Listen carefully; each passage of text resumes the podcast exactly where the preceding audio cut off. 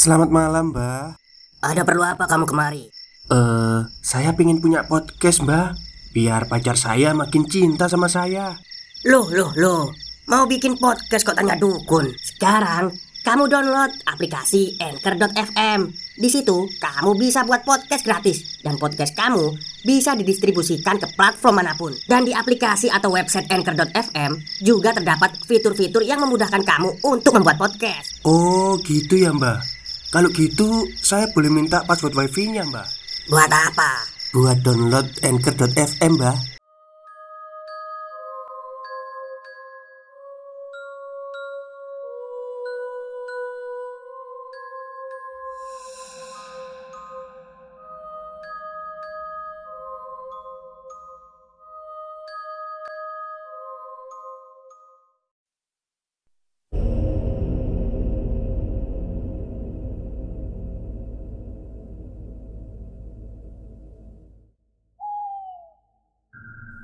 Assalamualaikum warahmatullahi wabarakatuh. Halo semuanya, jumpa lagi dengan saya Chow Sing Sing Kurator dari podcast Horror Night Story. Halo apa kabar semuanya? Semoga kalian semua sehat-sehat ya. Dan seperti biasanya pada siang hari ini saya kembali Dan akan menghadirkan sebuah kisah mistis untuk kalian semua Kisah mistis kali ini saya datangkan dari treat horornya Mas Karjan Malang Yang menceritakan tentang pesugihan. Tapi ini ya bahasanya ini agak puitis Jadi mohon didengarkan dengan baik-baik. Oke daripada kita berlama-lama Mari kita simak ceritanya ada sebuah berita duka tersebar di satu sekolah. Tersiarlah seorang anak yang duduk termenung seorang diri. Umurnya masih menginjak 14 tahun. Gagah rupawan wajahnya. Idaman setiap gadis-gadis di sekolahnya. Cemerlang otaknya dan pandai.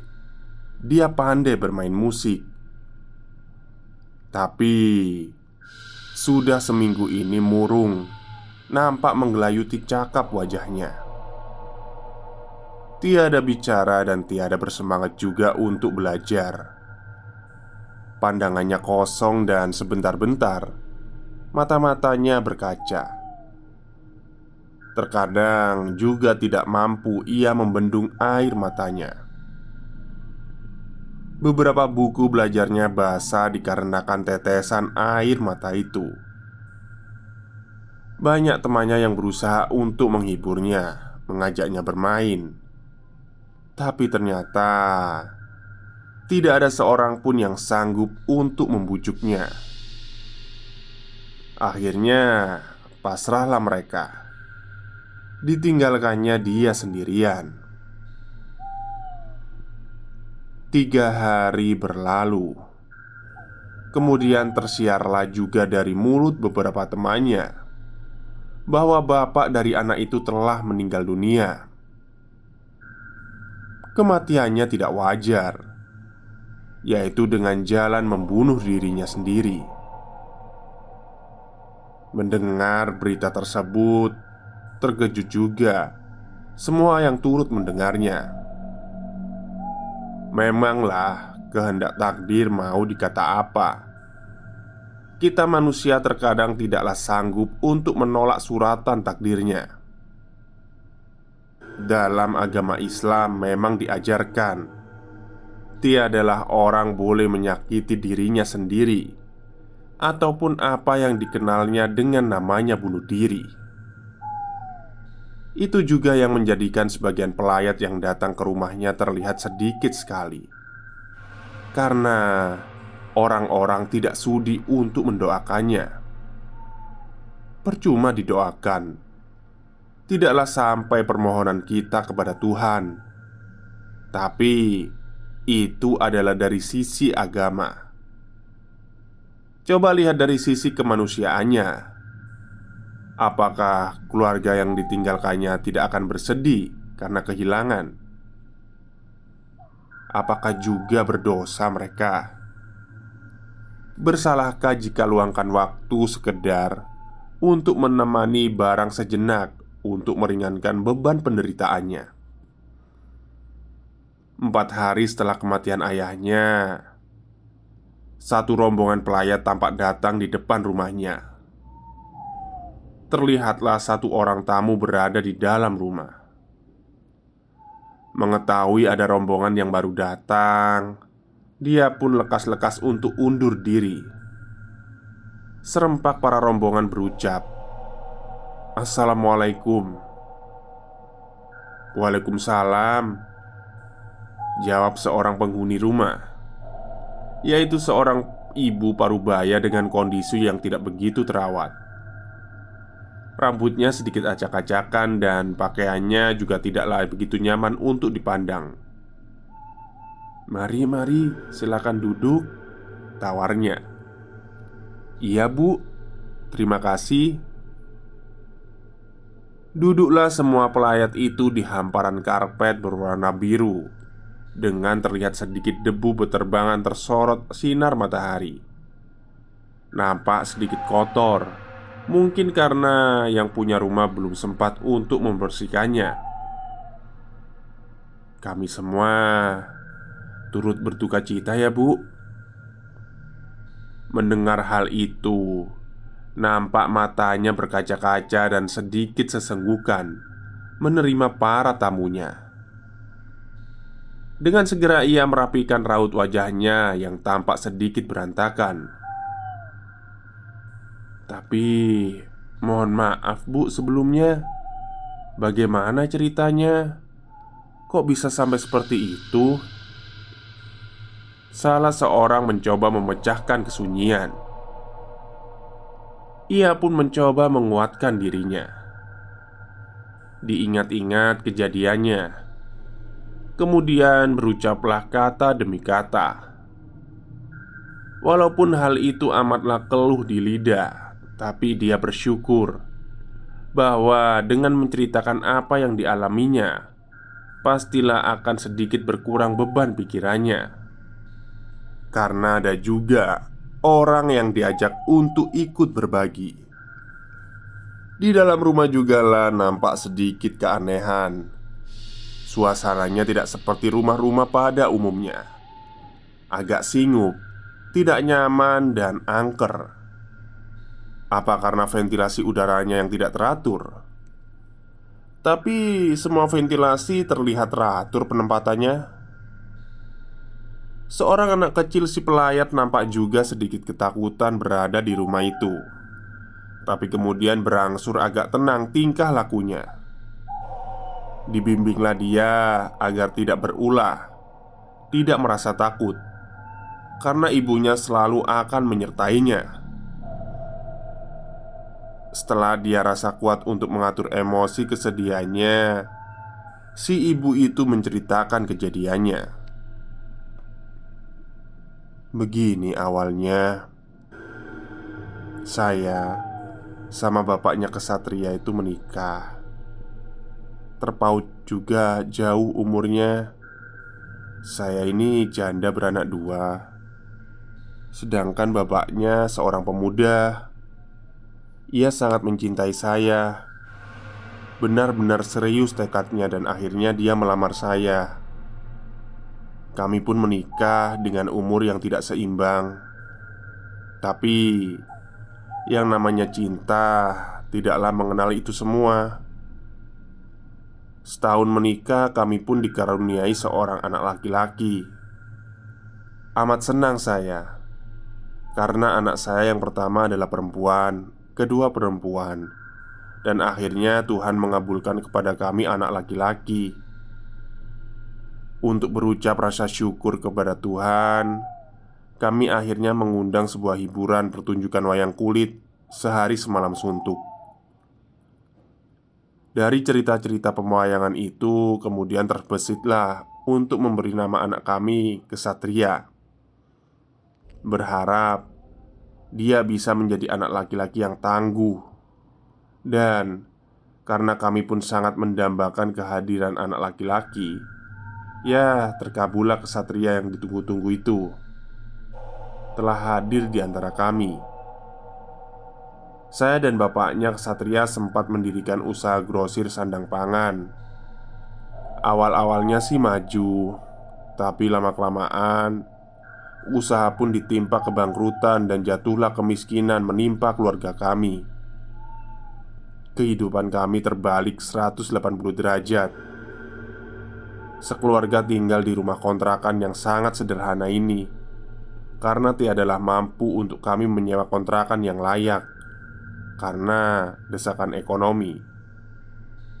Akhirnya, saya memutuskan untuk merantau ke luar negeri untuk menjadi TKW. Diajak oleh seorang teman saya. Di negeri rantau, saya kumpulkan sedikit demi sedikit jeripaya saya di sana. Akhirnya, rumah kami yang telah disita bank dapat kami lunasi pembayarannya. Kemudian saya kembali meneruskan usaha yang dulu pernah kami jalani. Alhamdulillah, kesuksesan pun berpihak pada kami, dan saya pun membeli beberapa rumah lagi untuk sengaja saya kontrakkan di beberapa tempat.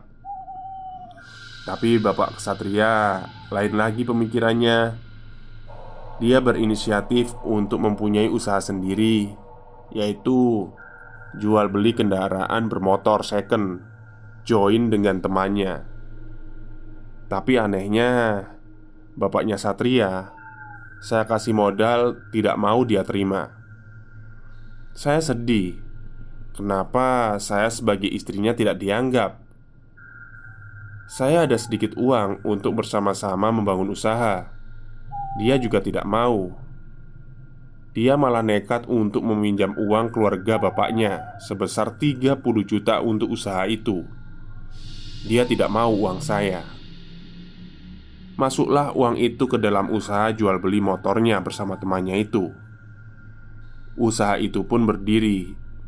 Ternyata ada saja kendala yang dihadapinya. Teman bapaknya Satria menipu. Dibawa larilah uang itu.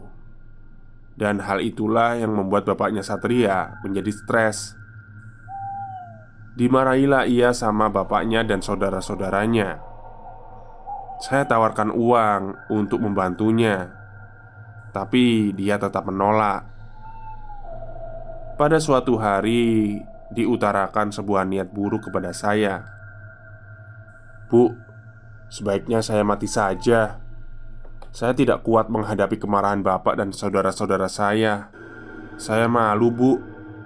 Sepertinya sial terus hidup saya. Saya berpikir juga, tidak adalah bakat hidup saya untuk membuka sebuah usaha.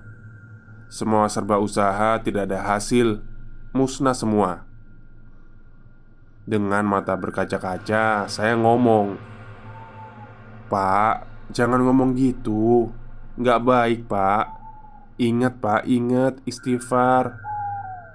Saya mencoba untuk menenangkannya. Selang beberapa waktu kebingungan, bapak semakin menjadi bertambah murunglah wajahnya. Tapi sedikit disibukkan dirinya. Dia masih mau pergi berladang, mengolah ladang tebu keluarganya bapaknya. Suatu ketika, diajaklah Satria untuk pergi membantu mencabuti ilalang yang tumbuh di sekitar tanaman tebu. Bersama saya juga ikut ke ladang ketika sang surya sedang terik-teriknya berada tepat di atas kepala. Saya berpamitan untuk pulang dan tinggallah dia bersama Satria. Tidak ada firasat apa pun pada saat itu. Saya pun pulang kembali ke rumah. Selang beberapa waktu, terdengarlah sebuah teriakan yang sangat keras dari arah kejauhan. Suara yang benar-benar akrab di telinga saya. Ya, itu adalah suara anak saya. Stop, stop, kita break sebentar. Jadi, gimana? Kalian pengen punya podcast seperti saya? Jangan pakai dukun, pakai anchor, download sekarang juga gratis. Bu, ibu, bapak, ibu Larilah saya menuju ke sumber suara itu Dan mendapati Tria sedang memangku bapaknya Kenapa Tria? Kenapa dengan bapak? Nggak tahu bu, tiba-tiba bapak jatuh pingsan Pak, bapak bangun Terlihat banyak busa di mulutnya Matanya melotot seperti menahan kesakitan Terlihat di sampingnya tergeletak sebuah cairan di dalam botol minuman kemasan. Sisa-sisa cairan itu sepertinya ditenggak semua oleh bapaknya. Setelah tercium baunya, ternyata itu adalah cairan insektisida. Racun pembasmi serangga yang sengaja dia masukkan ke dalam botol untuk mengelabui kami. Ya, bapak telah meminum racun itu. Segeralah saya membawa ia ke rumah sakit Dengan bantuan pihak rumah sakit Sedikit tertolonglah dia dengan suara terputus-putus Dia pun berkata Ibu. Iya pak. Nampak Tria memeluk dada bapaknya. Ma Maafkan aku bu. Aku berbuat seperti ini karena aku gak kuat lagi menerima ini semua.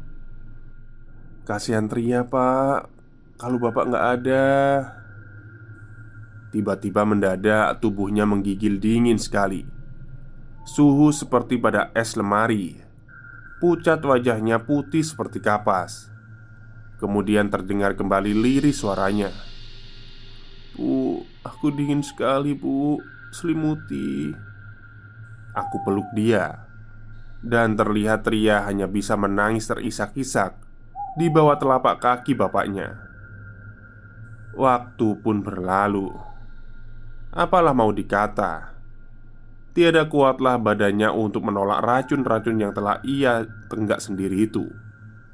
Walaupun sudah banyak masuk penangkal racun yang ia minum, darahnya sudah bercampur dengan racun serangga, dan akhirnya ia pun menghembuskan nafas terakhirnya, masih dalam pelukanku. Teriakan Satria tidak terbendung. Suaranya keras sekali. Tidaklah dapat tergambar penderitaannya kala itu. Seperti teriris tubuh ini mendengarnya. Itulah ceritanya. Sekarang tinggallah saya dan tiga anak saya sendiri yang menjalani kehidupan ini tanpa ada seorang laki-laki pelindung dalam keluarga ini. Mendengar penuturannya, semua pelayat turut berduka cita teramat sangat mendalam. Nampak juga sebagian pelayat ada yang berkaca-kaca matanya demi ikut merasakan kesedihan yang sedang dialami ibu itu. Kemudian mereka pun undur diri dan berpamitanlah perwakilan dari para pelayat itu. Kami hanya bisa mendoakan semoga arwah bapak tenang ya di alam sana tidak lupa, anak soleh akan selalu menemaninya di dalam kubur. Tak lupa, diberikanlah bingkisan sedikit untuk sekedar mengobati duka yang menyelimutinya. Berita-berita miring pun kemudian terdengar sayup-sayup Memberitakan sebuah berita yang selama ini membuat kami menjadi beroleh rasa penasaran Wanita itu adalah pengikut aliran yang tidak benar ternyata Dikatakanlah Setiap malam bulan purnama Pada pertengahan malam. Selalu ia keluar berputar-putar mengitari rumahnya. Maaf Dengan bertelanjang dada. Berita itu kuperoleh dari tetangga-tetangga kanan kirinya Yang jaraknya memang lumayan agak berjauhan.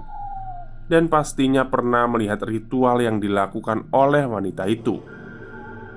Sampai-sampai dibuatlah kesimpulan bahwa kekayaan yang diperoleh selama ini adalah hasil pesugihan yang berhasil membuat wanita itu dapat membeli rumah dan membeli kontrakan di mana-mana. Lancar usahanya sehingga melebihi kekayaannya dibandingkan dengan pengusaha-pengusaha lainnya yang lebih dulu memperoleh kesuksesan itu. Apakah itu tidak benar-benar membuat kecurigaan seseorang? Mereka sebut wanita itu telah memperoleh ilmu pesugihan yang selama ini dijalankannya. Keluarlah sebuah perjanjian antara manusia dengan roh gaib akan kekayaannya itu. Dilakukanlah dengan jalan memberikan persembahan tumbal dari salah satu anggota keluarganya. Salah satunya akan tertimpa kematian. Aku sendiri tiadalah sedikit pun mempercayai hal itu. Suara syak wasangka yang berterbangan di antara mulut-mulut para tetangga yang iri terhadap kekayaan yang diperoleh oleh wanita itu. Semua kuserahkan kepada Allah Subhanahu wa taala bahwa apa-apa yang dilakukan manusia yang benar dan salah pastilah semuanya akan ada hasil untung dan ruginya. Waktu itu di tahun 2012 Tamat. Oke, itulah cerita singkat pada siang hari ini dari Mas Karjan Malang. Iya, Mas Karjan Malang ya. Bentar, saya lihat dulu. Iya, Mas Karjan Malang Treat horornya Cuman bahasanya ini ya agak apa sih puitis ya mendayu-dayu gitu. Jadi untuk para pendengar semoga bisa menikmati cerita yang saya suguhkan tadi. Baik mungkin itu saja cerita untuk siang hari ini. Kurang lebihnya saya mohon maaf. Wassalamualaikum warahmatullahi wabarakatuh